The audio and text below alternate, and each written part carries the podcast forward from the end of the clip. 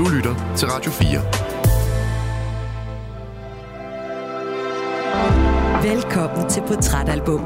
Din vært er Anders Bøtter.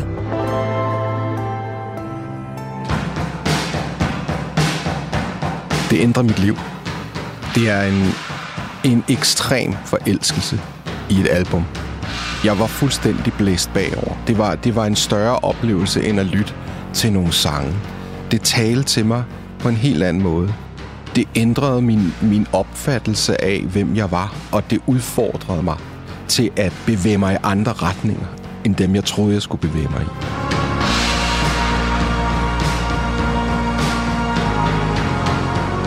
at komme ind der til nogle punker og sige, at man havde været i Pinsekirken, det var jo, altså, de synes jo, det var absurd. Hele det der Guds begreb, det Guds blev revet ned for mig der. Og, og det var godt. Så det, og det, jeg tror også, det er det, der har gjort, at jeg på en måde var så fascineret af de her mennesker, som var så antireligiøse, ikke? og høre musik, som eller var så punket og øhm, tog fat i, i, i det dæmoniske, i, i det mørke. Ja, altså, jeg skulle lige til at sige, hvis du gerne vil finde en gudløs plade, en plade, hvor Gud mm. er død, mm. så er The Cure's Pornography eddermame et godt bud.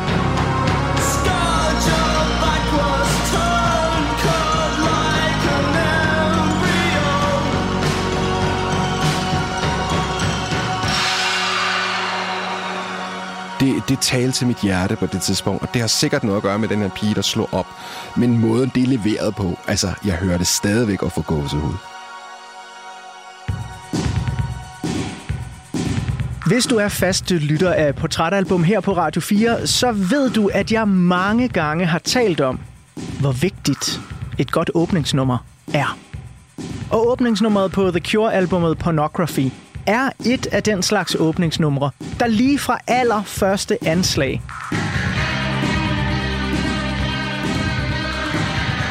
er en knytnæve i maven og en omfavnelse af både destruktionsromantik og menneskemørkets smerte. For tænk sig at åbne et album med disse linjer.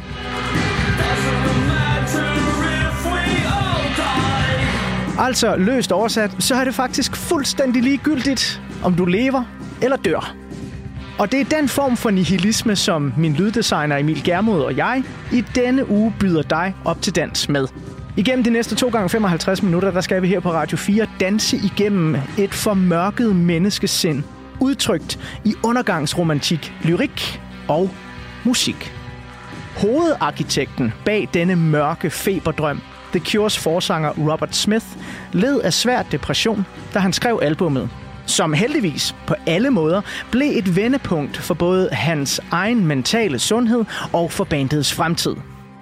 Men selvom historien ender lykkeligere end den begynder, så vil jeg alligevel for en sikkerheds skyld fortælle dig, at hvis du sidder derude og kæmper med dit mentale helbred, så er der gratis hjælp at hente hos Livslinjen, som du altid kan finde på nettet, eller ringe på telefonnummer 33 32 11 19. Og så husk lige på, at mørkets musik, litteratur og film kan opfattes på mange måder. Du kan tage det helt ind og gøre det til en del af din egen personlige fortælling. Eller du kan, som jeg selv har gjort det her i mit voksne liv, forsøge at tage mørket ud i en armslængde, gøre det til kunstnerens eget verdensbillede, og så betragte både skønhed og dramatisk tungsind lidt udefra. Som sådan en sær biografisk fiktiv fortælling. Og så vil du måske få noget helt andet ud af det værk, du skal i gang med at nyde. For det er måske netop, når man stiger ned i kunstens mørke, at man mærker livet og lyset stærkest. Det er her, at man kan værdsætte den enorme storhed og næsten flabede ungdomlige energi, som også er The Cure anno 1900. 82.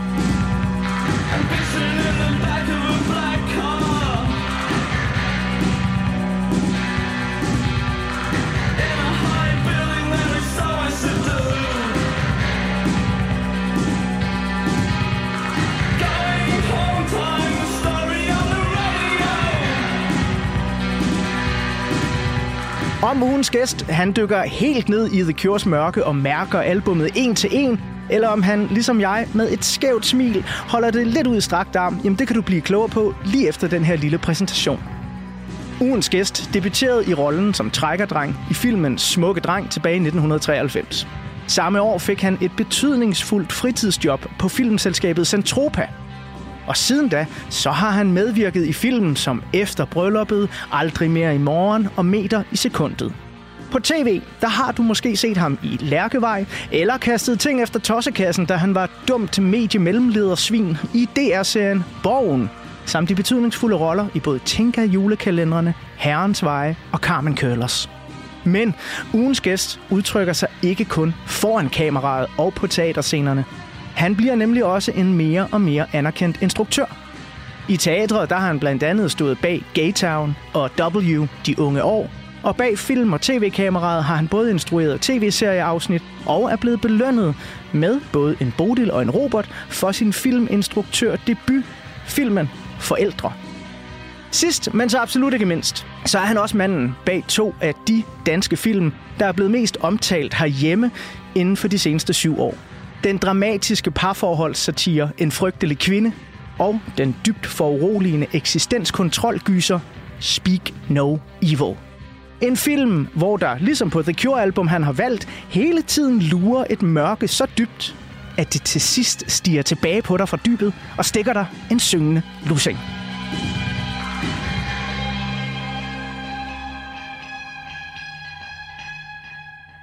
Christian Taftrup, hjertelig velkommen til Portrætalbum. Tusind tak, og tak for de enormt pæne ord. Så fik jeg også lige sagt et par ord, ikke? Jo, det var virkelig Jeg sidder altid og skriver det her og tænker, det kan jeg godt lige gøre hurtigt. Jeg er meget glad.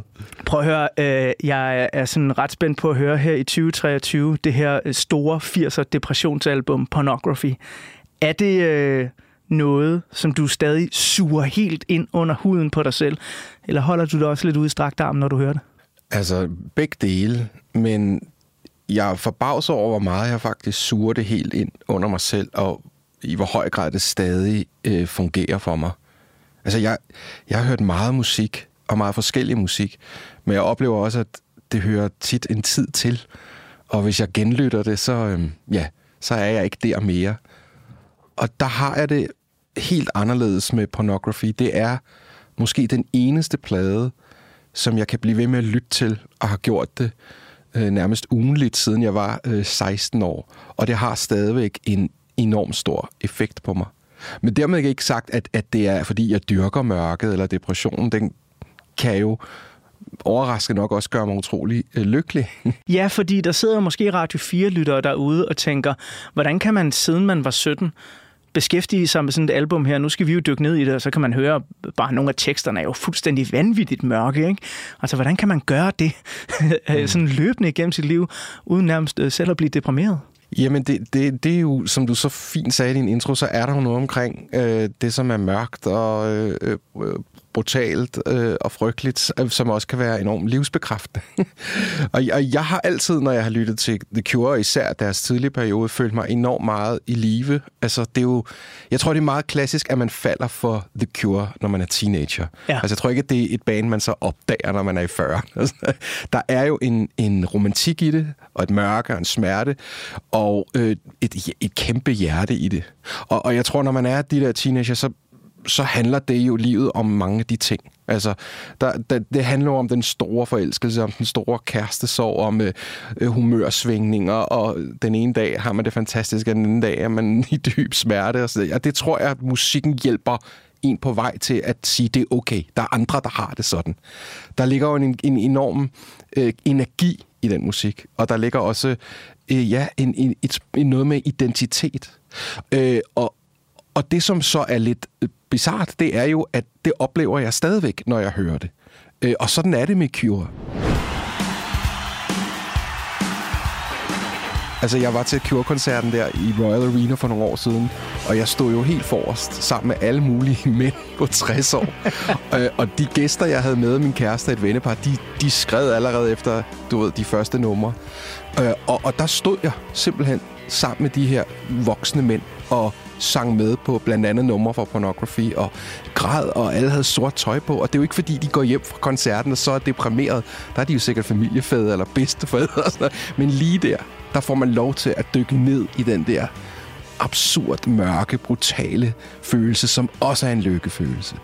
Øhm, så det kan vi jo snakke meget mere om, men jeg har det meget dobbelt. Jeg kan godt, øh, det kan godt forstærke en følelse, jeg har. Jeg kan godt have lyttet til den, og så den, hvis jeg har det dårligt, så har den hjulpet mig med det. Men den kan også forstærke øh, en følelse af glæde ved tilværelsen.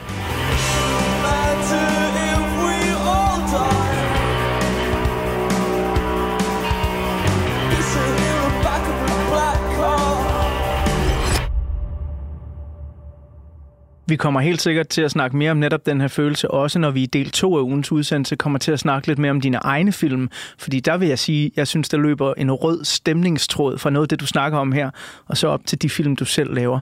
Christian, det her album det udkommer i 1982, men øh, du hører det for første gang i 1994. Og derfor så bliver det årstallet, som vi øh, fokuserer lidt på i den her udgave af Portrætalbum. På det tidspunkt, der er du en 16 år gammel, næsten 17, du er lige gået ud af 9. klasse for at starte på Byhøjskolen på Nørrebro i København. Og nu der vil jeg gerne bladre op på den første side af portrætalbummet. Og der finder vi på sådan en dobbeltside små polaroidfotos af dig sammen med dine kammerater på Byhøjskolen. Der er både billeder af undervisningstimer og frikvarter og det der skur, man gik om bagved for at ryge smøger, eller hvor man nu gjorde det.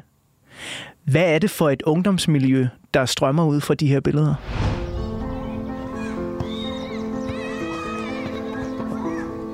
Jamen, øh, Byhøjskolen, som ligger på Kapelvej på Nørrebro, er jo et lidt øh, smadret, lidt alternativt sted. Det, bygningen, hvis du kører forbi, ligner fuldstændig sig selv, som en af de få bygninger i København. Der er graffiti over det hele. Det er meget sådan, altså, hårdt, råt miljø i forhold til der, hvor jeg kom fra. Øh, jeg er fra Østerbro, Indre Østerbro. Øh, jeg har gået på Ingrid Jespersens privatskole. Jeg har øh, middelklasseforældre øh, boet lige over for søerne. Øh, levet et meget trygt liv. Det lyder øh, dyrt. Jamen, det var det sgu ikke dengang. Det tror jeg, det er i dag, men det var det faktisk ikke. Øhm, og du ved, vokset op med ender i søen, der larmede, som den, ikke den største konflikt, men sådan et lille billede. ja. Sidde nede på den franske café, og øhm, øh, levede et, et sådan ret trygt tilværelse på en ret fin skole, og jeg kan huske, at min gymnasielærer, eller undskyld, min lærer i folkeskolen ville gerne have, at jeg skulle gå direkte i gymnasiet. Jeg klarede mig ret godt i skolen. Jeg har altid haft et, et godt hoved, og kan godt lide at blive undervist, så de synes, det var meget underligt, at jeg ville vente med at gå i gymnasiet og tage et år på Byhøjskolen. Byhøjskolen er jo en slags 10. klasse, hvor man kan tage forskellige linjer. Øh, der er matematik, der er idræt, men der er også på det tidspunkt øh, det, der hed Dramus, som var en linje for folk, der både vil spille teater og lave musik. Og jeg har altid spillet teater, siden jeg var ni år, og har altid været helt klar over, at jeg ville på teaterskolen. Så det gav meget mening for mig at tage et år, hvor jeg dyrkede teater og musik mere. Jeg har også spillet guitar og klaver, og på det her tidspunkt, der spillede jeg sgu meget godt. Jeg spiller dår, meget dårligere i dag, men jeg spillede ret meget guitar og klaver, og kunne godt lide at komponere sange. Øh, men hvad jeg nok ikke vidste, det var, at mange af dem, der gik på skolen, var altså fyre med langt hår, der spillede guitar. Der blev røget rigtig meget tjal, sikkert også taget stoffer. Der var enormt mange piercinger. Der var mange, der gik der, fordi de skulle have noget bistand eller noget understøttelse, som ikke var særlig interesseret i, øh, i, i især ikke i teater. Så jeg kom jo på byerskolen som denne her lidt glade, Østerbro-dreng øh, i hvid skjorte og brændte virkelig for, at nu skulle vi lave noget teater. øh, og det gjorde de andre ikke på samme måde. Så jeg kom jo ind i et miljø og mødte nogle mennesker, som jeg aldrig havde mødt før. Og det, der skete med mig, var, at jeg forelskede mig fuldstændig i dem. Det kan godt være, at jeg skulle hente dem om morgenen, fordi de altid kom for sent, og jeg ville gerne øve. Men til gengæld, så øh, kendte de jo alt muligt til alt mulig musik, jeg ikke kendte. Øh, de levede på kanten. Øh, nogen boede på ungdomspension. De kom på døgneren. Jeg blev dybt forelsket i en pige, som ikke havde nogen forældre, fordi de var døde. Hun var 15 år gammel. Jeg havde en underlig form for i fascination og tiltrækning af de mennesker. Hvad er døgneren? Jamen døgnkontakten, som ligger inde der ved, øh, hvad er det, Åboulevarden, som er sådan et sted, hvor, øh, ja, hvis du er lidt på kanten, eller har det svært, eller ikke har nogen forældre, eller nogle forældre, der ikke behandler dig ordentligt, så er der simpelthen ansat nogle voksne til at hjælpe dig. Men en ting er jo at være fascineret af det her, det kan jeg sagtens sætte mig ind i, fordi sådan nogle perioder har jeg selv haft i mit liv, hvor jeg har søgt mod andet, end det jeg selv er vokset op i. Og, og du kunne omfavne dem og, og tage dem ind og sådan noget. Men, men hvad med dem? Altså kiggede de ikke lidt på den der Østerbro-dreng i den hvide skjorte, som sådan en lidt underlig fisk i akvariet? Jo, altså det var virkelig skægt, for jeg kan huske, du ved, de, da jeg var i deres lejlighed, som mange af dem boede i, der var tilknyttet døgner, der var sådan en, en socialpædagog, som de bare alle sammen havde. Og så sagde jeg ligesom, jeg skal nok prøve at gøre et indtryk, og da hun så kom, så var det sgu en af mine forældres venner. og så var det bare sådan, hej Dorte. så, men jeg tror faktisk, at de enormt godt kunne lide mig, fordi jeg var jo meget åben, og jeg var sjov, og jeg tror, at de respekterede det der med, at der var en, der gik på det her hold, som virkelig ville det.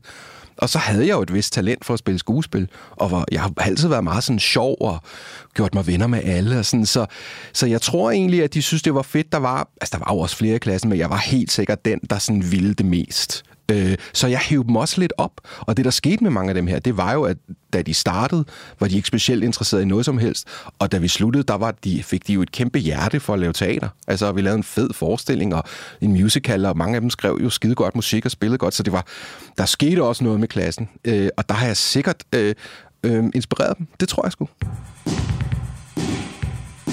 Det er jo så det her miljø, som den 16-17-årige Christian Taftrup øh, for første gang hører Pornography i. Album, der som sagt udkommer i 82, altså 12 år før du går her på den her byhøjskolen. Og hvordan det her album det kommer ind i dit liv, øh, det skal vi høre mere om øh, lige om lidt. Men øh, først så skal vi lige have lidt mere af 100 Years.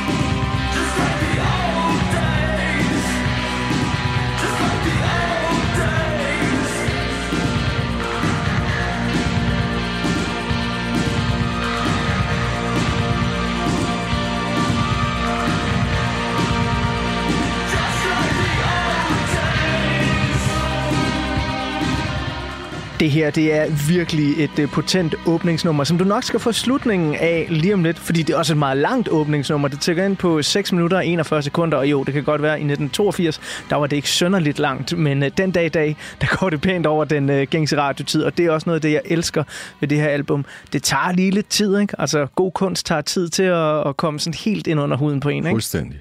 Du øh, fortæller mig jo, at øh, det er i, i det her miljø på Byhøjskolen, at øh, du møder pornography for første gang. Og derfor kunne jeg godt tænke mig at bladre op på en side af portrætalbummet, hvor der er et billede af dig i de omstændigheder, du nu er i, hvor det her album, det er jo nærmest dumper ned fra hel- himlen, eller skulle jeg sige, kommer op fra helvede, hvad, hvad man nu foretrækker. Hvad er det for en aften, hvor øh, du møder det her album for første gang?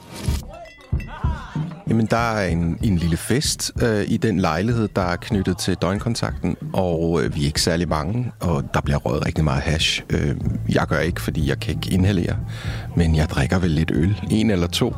Mange fugle og skæve.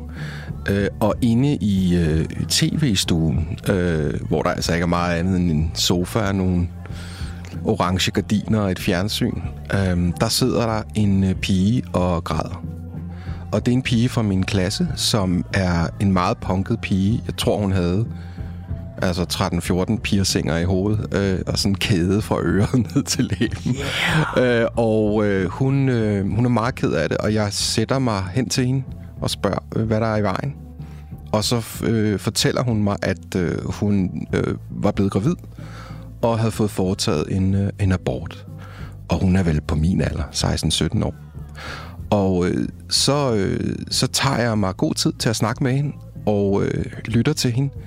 Og hun læner sig sådan ind til mig, og vi sidder og holder om hinanden. Der er ikke noget sådan erotisk tiltrækning mellem os eller noget. Det er ligesom bare, hun oplever ligesom en, der vil lytte til hende, tage hende alvorligt. Og øh, vi sidder der hele aften. Øhm, og så øh, mandagen efter, når vi, da vi er på byhøjskolen igen, så øh, siger hun, at hun har en gave til mig, som tak for, at jeg vil trøste hende øh, og lytte til hende, selvom hun havde det så skide svært. Og det er øh, The Cure's Pornography. Som du simpelthen skal huske at sige til lytterne, har med i studiet. Og jeg kan se, at den der plade, det ligner et album, der har været i krig, er blevet smidt i vandet, brændt øh, og mixet en masse tobak på, øh, fordi den er godt nok slidt på den fedeste måde. Jeg er sikker på, at hvis jeg tager min tommelfinger og presser helt ned i den, så bliver der et stort fingeraftryk tilbage. Så fedtet er dit eksemplar af The Cure's Pornography. Jeg går meget op i at have fysiske objekter af ting, der har betydet noget for folk her i studiet. Fordi altså, jeg er ikke religiøs på nogen måde, men, men jeg tror på energier.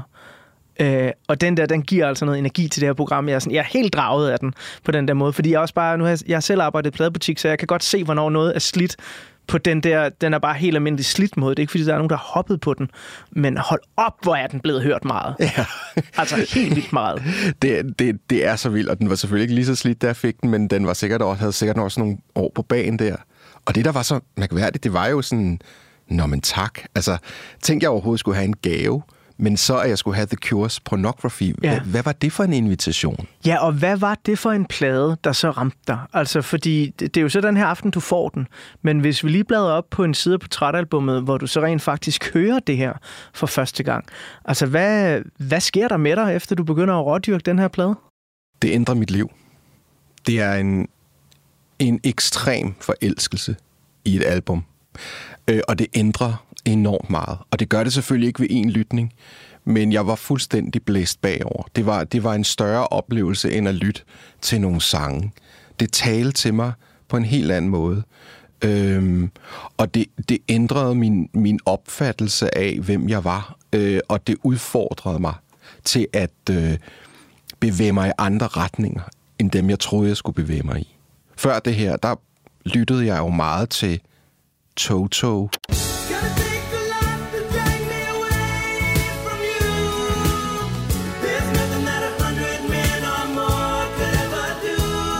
Genesis, Phil Collins.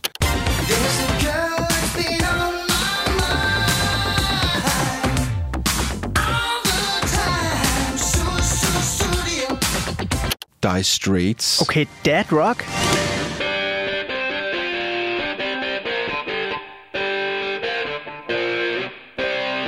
Men det er jo fordi, det var min fars plader. Ah.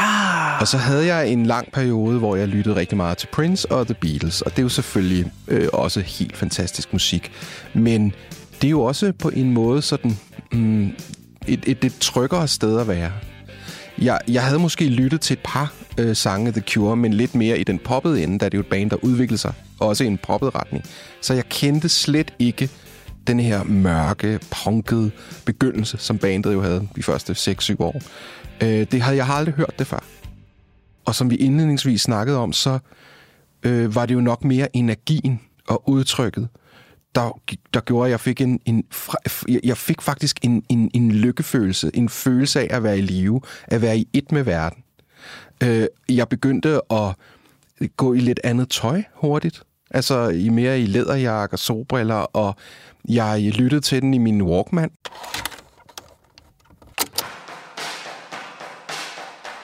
Og jeg begyndte at skrive digte.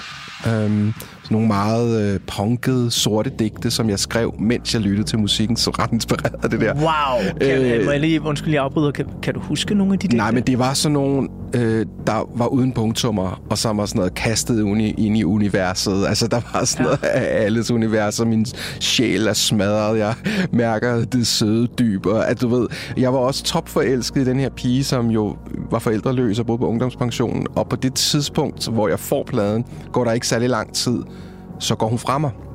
Så jeg har også en enorm kærestesorg øh, en uges tid efter, jeg får den her plade. Så derfor så dyrker jeg jo også smerten og øh, sorgen. Øh, og hun var også lidt begyndt at flytte lidt med en anden dreng fra klassen. Så jeg, jeg havde det virkelig skidt på det her tidspunkt. Og der hjalp pladen jo mig enormt med at dyrke følelsen.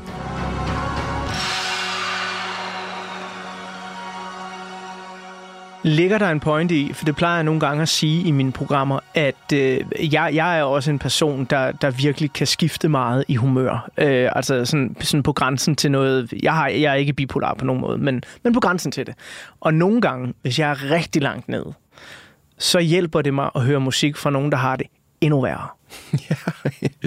ja, man føler sig jo i hvert fald i beslægtet, at der er andre, der har det. Eller det, som musik kan, det kan jo også gå den anden vej, når det er popsangen, det er jo, Gud, der er nogen, der forstår mig. Gud, sådan har jeg det også. Altså, at det er en, en, en universel ting. Mm. En sætning i en, i en popsang kan jo ramme, hvordan du har det. Øh, og, og det samme kan en god film jo også. Eller sådan noget. Men jeg synes jo, musik kan meget det der. Øhm, og det er jo tit noget, vi hører om omkring kærlighedssangen. Og på samme måde, så fik jeg jo den her plade på det rigtige tidspunkt, hvor jeg var 16 år, og øh, øh, i dyb kærestesorg, og i øvrigt og det er stadigvæk et, et menneske, der dyrker følelserne. Om de er lyse eller mørke, så går jeg meget ind i dem.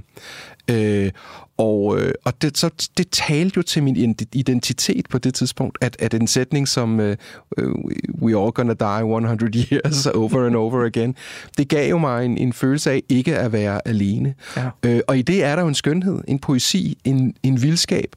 Jeg husker, jeg gik en solskinsdag gennem 1. maj over i Fældeparken, øh, og lyttede til pornography i mit lædertøj, øh, øh, og var fuldstændig lukket væk fra den der verden, solbeskinnede verden, hvor folk var fulde og glade, og gik kun og dyrkede følelsen af, af, af, af sorg, og satte mig på en kandsten og skrev de her punkdigte, øhm, og følte mig enormt øh, happy, altså enormt meget i live. Det var også en måde at bearbejde sorg på, at komme videre, at komme mig over tabet af den her forelskelse. Øhm, så ja, det, det, det, jeg fik den på det rigtige tidspunkt. Øh, så det har selvfølgelig også hjulpet til, at jeg har fået så personligt et forhold til pladen, fordi det var øh, en meget tidlig kærestesorg.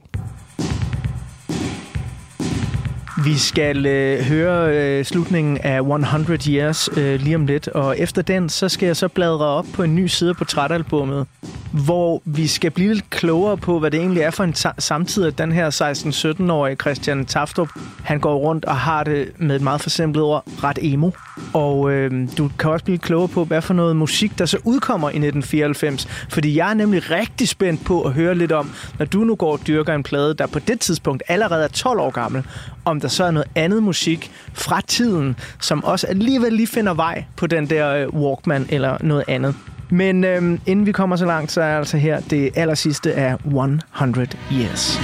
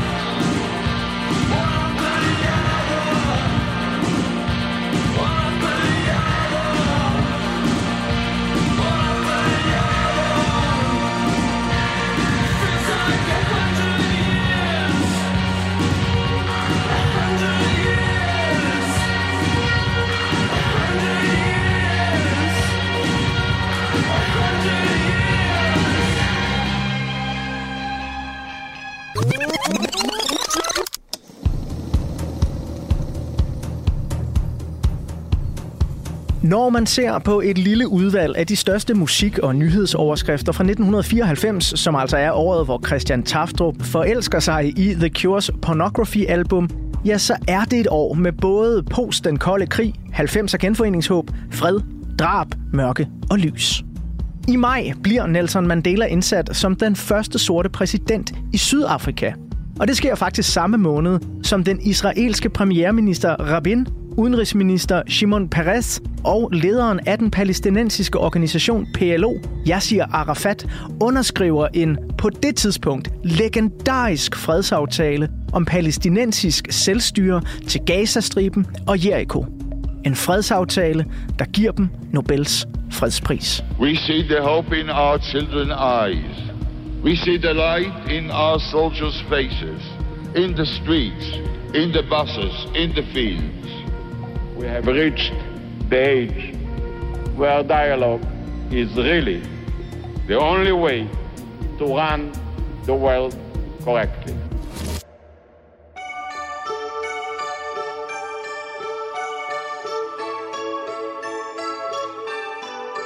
I biografen der er der i 1994 rig mulighed for at dyrke både nye danske perler, skæve amerikanske film og store blockbusters. Men uanset billetsalg, så har tidens film alle det til fælles, at de har vanvittigt gode soundtracks. Så uanset om du er til Ole Bornedals filmdebut Nattevagten, der havde musik af Sort Sol, Disneys Løvernes Konge, hvor Elton John hitter med Can You Feel the Love Tonight, Oliver Stones Natural Born Killers, hvor soundtracket var præget af både Leonard Cohen og Nine Inch Nails, Quentin Tarantinos gennembrudsfilm Pulp Fiction, hvor surfgitarristen Dick Dale og Urge Overkill fik gigantiske hits, eller om du elskede Tom Hanks i Forrest Gump, hvis soundtrack følger udviklingen i amerikansk hitmusik fra 1956 til 1980, ja, så kunne du altså være helt sikker på at få masser af musikinspiration med hjem fra biografen.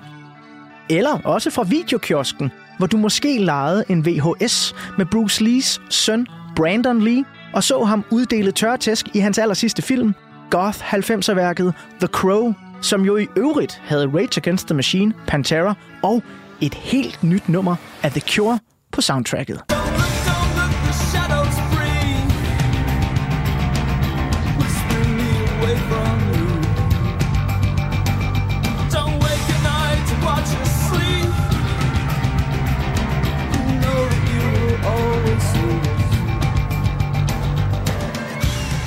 Og nu vi er i gang med den fede musik, så husker du måske musikåret 1994 fra det afsnit af Portrætalbum, hvor jeg havde besøg af skuespiller Jakob Lohmann, og vi snakkede om Soundgardens album Super Unknown. Eller da jeg havde besøg af komiker Tobias Dybvad, og vi snakkede om Dizzy Miss Lizzys debut. Men hvis du ikke har hørt de to afsnit endnu, så får du lige et ultrakort destillat af destillatet. Så hop lige ned i din Airwalk-sko, spænd din Eastpak-rygsæk, for nu skal vi tilbage til et af de mest signifikante musikår i 90'erne.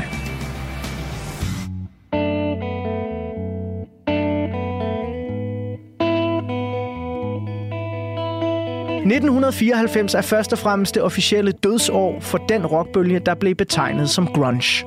Nirvana indspiller deres sidste nummer, You Know You're Right, udgiver et unplugged-album, som alle forældre på irriterende vis synes er mega godt, og Kurt Cobain begår selvmord. Cobain's body was found in a house in Seattle on Friday morning. He was dead of an apparently self-inflicted shotgun blast to the head. Police found what is said to be a suicide note at the scene, but have not yet divulged its contents. Cobain, who was 27, had reportedly been missing for about six days, according to his mother. Men til trods for grungens død, så lever den amerikanske rock videre i bedste velgående. I 1994 går Alanis Morissette i gang med at indspille Jacket Little Pill, som du kan høre mere om i portrætalbum med skuespiller Lise Bostrup. Og så er der i 94 store udgivelser fra blandt andet, hold nu fast, Soundgarden, Green Day, Nine Inch Nails, Live, Offspring, R.E.M., Korn, Hole, Jeff Buckley, der albumdebuterer med mesterværket Grace, og Pearl Jam, der udgiver den skæve, formørkede Vitology. She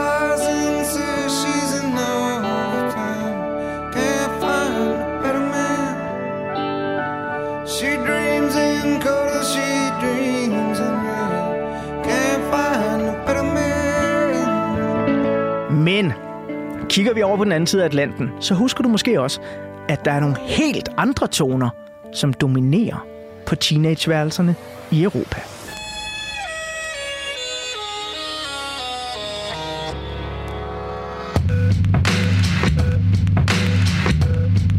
Storbritannien eksploderer både de elektroniske musikscener og Britpop-bølgen i et sandt orke af nye medieskabte hitliste konkurrencementaliteter og unikke, kunstfærdige elektroniske produktioner. Underworld udgiver vanvittigt vigtig techno. The Prodigy bliver lagt for had i de elektroniske musikmiljøer, fordi deres nye album gør uhørt meget brug af både guitar og sang. Massive Attack fortsætter deres triumftog med albumet Protection, og Portishead udgiver, hvad jeg stadig vil påstå, er en af Europas bedste debutalbums nogensinde. Dummy er et tidløst mesterværk.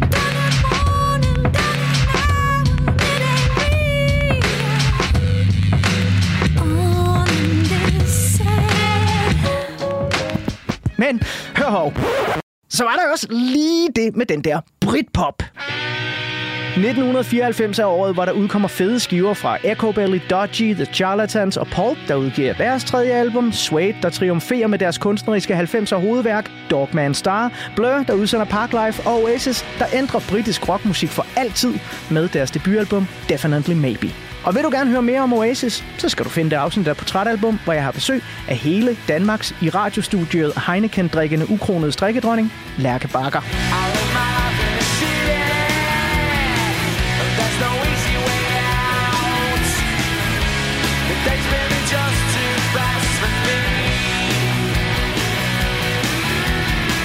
Og når ja, alt det her med grungens død og britpoppens dominans, det sker jo samtidig med, at en lille bitte håndfuld norske bands er ved at ændre musikhistorien for altid. Manden bag black metal-projektet Bursum, musikeren Vark Vikernes, bliver 1994 både dømt for drab på black metal-bandet Mayhems guitarist og for at brænde tre norske kirker ned til grunden og for at stjæle 150 kilo sprængstof. Samtidig så udsendes der, hvad der den dag i dag må betragtes som moderne black metal hovedværker i form af Mayhems De Mysterious Doom Satanas, Dark Thrones, Transylvanian Hunger og Bursums egen Hvis lyset tager os, der i sin meget monotome opbygning til tider faktisk godt kan minde en smule om nogle af de stemninger, der er på albummet Pornography.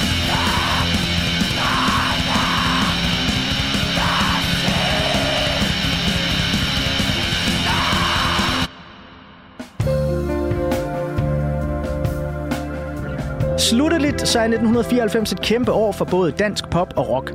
Thomas Helmi dominerer hitlisterne og prisuddelingerne med albumet Stupid Man, og den såkaldte grønne bølge af nye spændende danske rockbands byder på debutalbums fra så forskellige navne som Kinky Boot Beast, Passion Orange, Strawberry Slaughterhouse, Psyched Up Janice, Cashmere og Dizzy Miss Lizzy. Sidst, men ikke mindst, så udgiver C.V. Jørgensen det i sin samtid udskældte mesterværk Sjælland, eller Sjælland, som skuespiller Lars Rante udtalte, da han var på besøg i Portrætalbum. Skygger af skønhed kommer og går i en uendelig strøm. Her til sidst et par korte danske nyheder. Herhjemme der er nogle af de største overskrifter lige så skizofrene som musikåret 1994. En dansk kampvogns eskadron besvarer ilden, da de bliver beskudt af bosnisk-serbiske styrker i borgerkrigen i Bosnien-Herzegovina. Operationen gik under det måske tidstypiske, men den dag i dag noget usmagelige navn. Operation Bøllebank. Og i det lidt mere mundre hjørne, så er der folketingsvalg i Danmark i 1994, og her indvælges musiker og skuespiller Jakob Havgård til Folketinget som løsgænger. Socialdemokraterne er her mistet 4,1. De kunne nok have brugt nogle af Havgårds stemmer. Skal vi kigge på ham og ønske ham tillykke med, at der nu bliver medvind på alle cykelstier, som han jo går ind for i sit partiprogram. Det skulle man nok kunne lave et forlig på. Det er også ved, at vi får mere musik i Folketinget måske. Ja, større julegaver gik han jo også ind for. Wow, Vildt. så var vi lige i en overflyvning af 1994. En kæmpestor suppedags af ungdomstungsind med et selvmord fra den vel nok største rockstjerne i sit årti, i sin tid. Britpop, trip-hop, Jakob Havgård i Folketinget, øh, fred i Palæstina og Israel, eller i hvert fald nogenlunde. Nogle af de her ting, nu ved jeg godt, der var mange, så nogle af dem er nok bare fløjet ind af øret ud af det andet, ikke? Men er der nogle af de her ting, der sådan påvirker den 16-17-årige øh, Christian Taftrup på det her tidspunkt? Ja, i høj grad, og det var det var ret fantastisk at, at lytte til det her, fordi der er meget, jeg ikke har tænkt på siden, og hvor, hvor vanvittigt et år det var. Og hvor meget interessant musik, der kom her. Og der er masser af de navne og bands, som, som jeg begyndte at lytte til, og som jeg har taget med mig. Altså, jeg er jo, jeg er jo heldig at være den rigtige alder til Nirvana og Pearl Jam, og hele den der grunge-bølge. Og jeg bryster mig tit af, at jeg faktisk som 14-årig var på Roskilde Festival i 92. Nej! Jo. Nej! øh, og se Nirvana og Pearl Jam. I have to tell the audience in Danish. Okay. Uh, det her interview uh, bliver faktisk lavet lige efter, vi har vundet Europamesterskabet i fodbold. Nirvana er det næste band, der skal spille på den store scene. Og øh, jeg forsøger at gennemføre det til med Nirvana. Der ikke særlig meget øh, på fodbold. Og øh, det var sgu ikke fordi, jo, jeg lyttede, men jeg, det er jo først efter det her med The Cure, at jeg begynder at åbne døren endnu mere ind til de her grunge bands. Men det var sådan, vi var en, du ved, en gruppe venner, og forældrene synes det var okay, og vi så noget EM-finale i fodbold, og så gik vi ned og så Kurt Cobain, og nå ja, og så det over til det der, og hvem er, og så tror jeg også, det måske var Red Hot Chili Peppers der også. Der var i hvert fald, og jeg man oplevede jo, at det var en bølge. Mm. Og at det var en bølge, der talte til det at være ung, og som bare havde så meget energi. Jeg var på Roskilde i år. Jeg tror, jeg så en eller to rockkoncerter.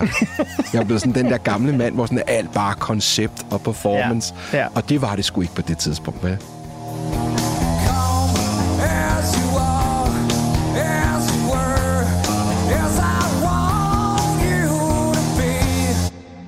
Du skriver lige til mig næste gang, du skal på Roskilde, ikke? så tager jeg det under armen, og så skal jeg satan ned med rive dig rundt i nogle moshpits. Nå, Øh, For der er fedt. masser af rock på Roskilde. Det gemmer sig bare lidt mere. Det, det er gemmer ikke sig. Ja, det gemte sig ikke dengang. Men Du- så, så det, jeg, jeg, altså alt det her Nirvana grunge-bølge, det hoppede jeg også på. Og, øh, og så noget andet, jeg festede mig ved, det var det her trip-hop.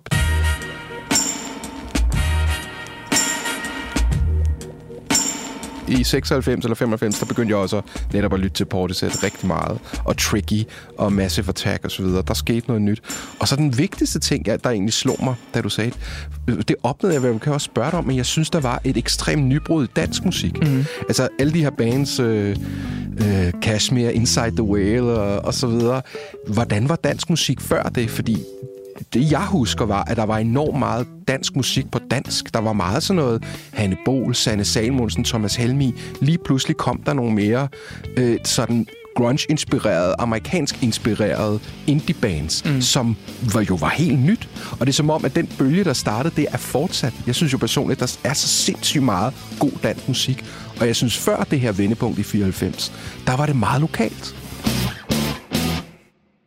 Det er fuldstændig rigtigt set, og to spydspidser, hvis man skal sige det helt kort. Rasmus Nør laver den konkurrence, der hedder DM i Rock, som får en kæmpe, kæmpe stor indflydelse på, at de her bands rent faktisk kan komme ud og spille nogle koncerter, og man finder ud af, hey, der er et publikum for det her. Paul Martin Bunde, der er tidligere talsmand for øh, Smukfest, øh, Rest in Peace, han gik bort for et par år siden, han stifter pladselskabet Start, fordi han kan se, der er mange danske bands derude, som ikke får lov til at udgive et debutalbum, fordi det mm. koster spidsen af en jetjager at lave et album stadigvæk her. Mm. Og han udgiver blandt andet Kashmirs øh, debutalbum. Og med de her spydspidser, når man så ser, at Kashmirs debutalbum når faktisk at sælge nogle eksemplarer, og Dizzy Miss Lizzys debutalbum, det bliver det bedst sælgende rockalbum i Danmarks historie. Mm.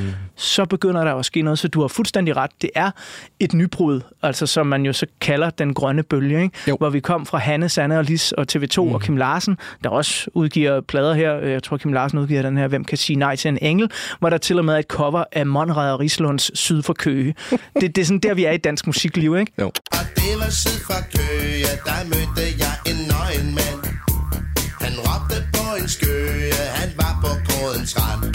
Og så kommer det her bare væltende ind over, så jeg forstår godt, at du, du føler dig talt til ja. som en ung mand på, på, på den her måde. Ikke?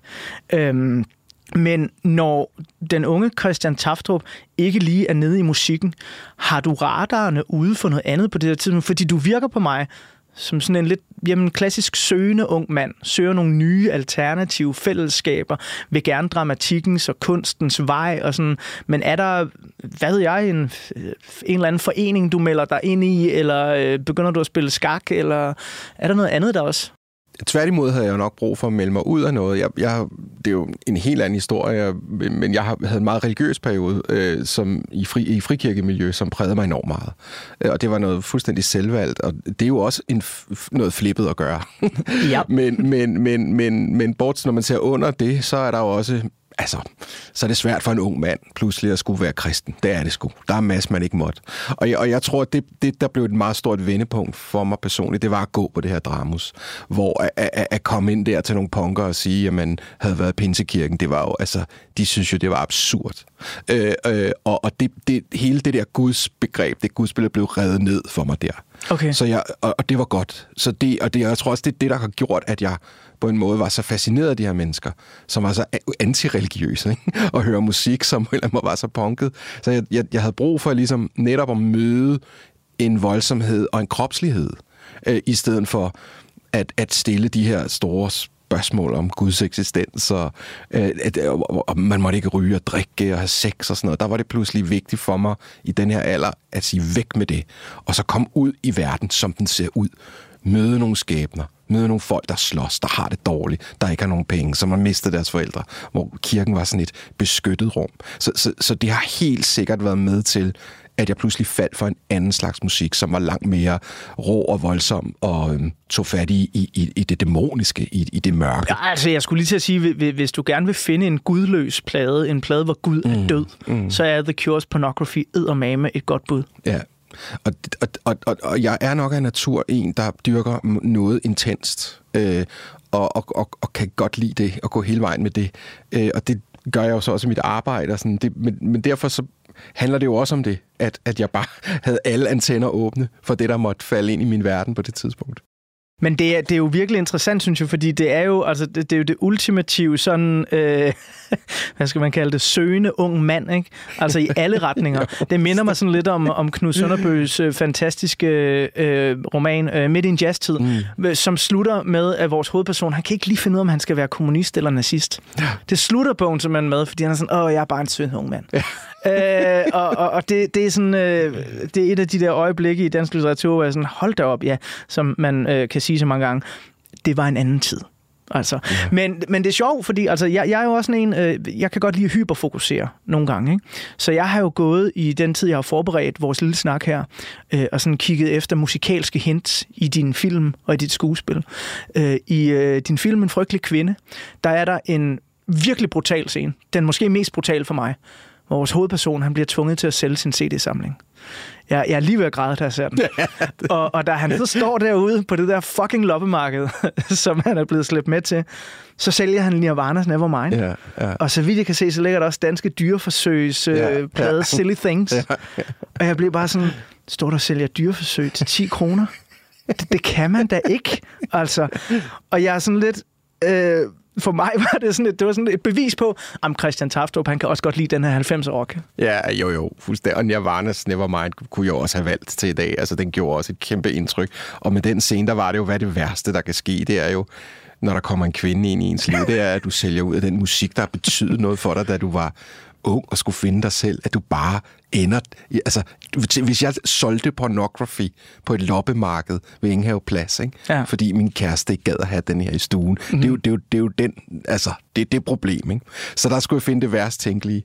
Øhm, og, og øh, jo, det er jo, det er jo meget det, der sker. Det er den film tager også fat i, det er, at man kaster noget af sin gamle identitet væk for, for hvad? En ny, eller hvad?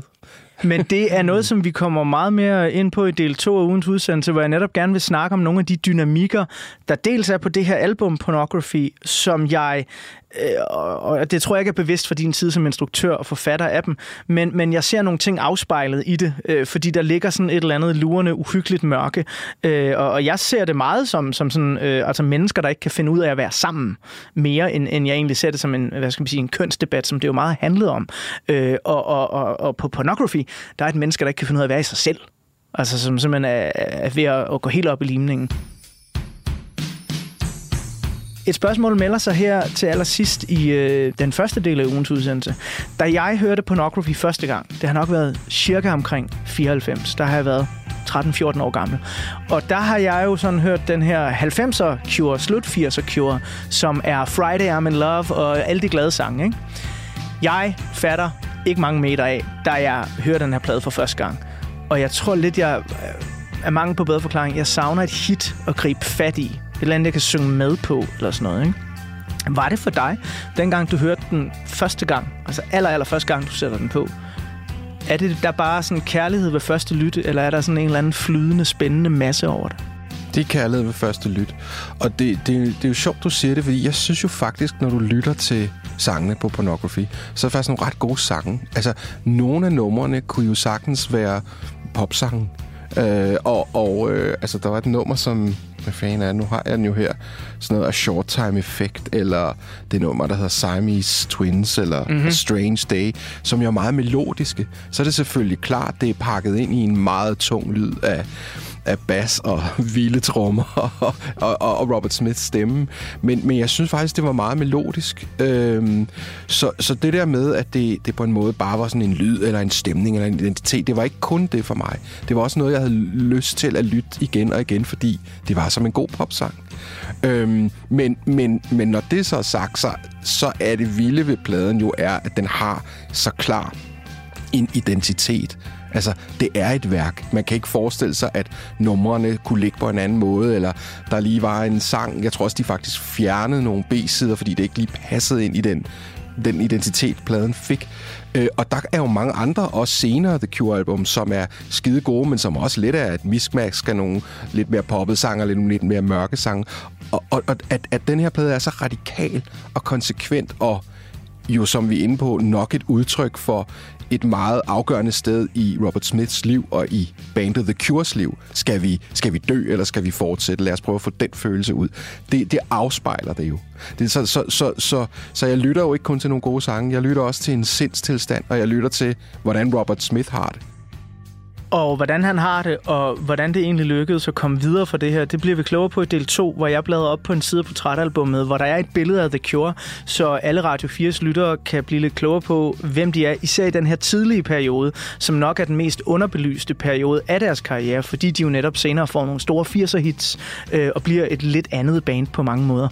Inden øh, jeg klapper portrætalbummet sammen for den her øh, første del, og vi så skal i gang med øh, del 2, der skal vi høre lidt af Siamese Twins.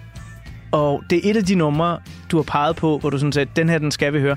Færre skal være færre. Du skrev til mig sådan, at det er jo alle numrene, men når jeg nu bad dig om at lige pege på fire stykker, ikke? Siamese Twins, hvor, hvorfor var det lige en af dem, der fløj med i mailen? Jeg tror, det netop er et eksempel på, at det, at, at det er bare en skidegod sang.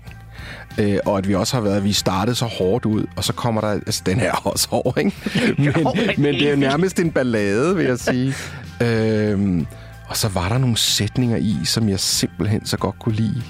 Øh, altså bare sådan noget, in the morning I cried, eller øh, især denne her, øh, den, den sagde mig så meget. You, we, you never talk, we never smile, I scream, you're nothing, I don't need you anymore, you're nothing. Det, det talte til mit hjerte på det tidspunkt, og det har sikkert noget at gøre med den her pige, der slog op. Men måden, det er leveret på, altså, jeg hører det stadigvæk at få gåsehud.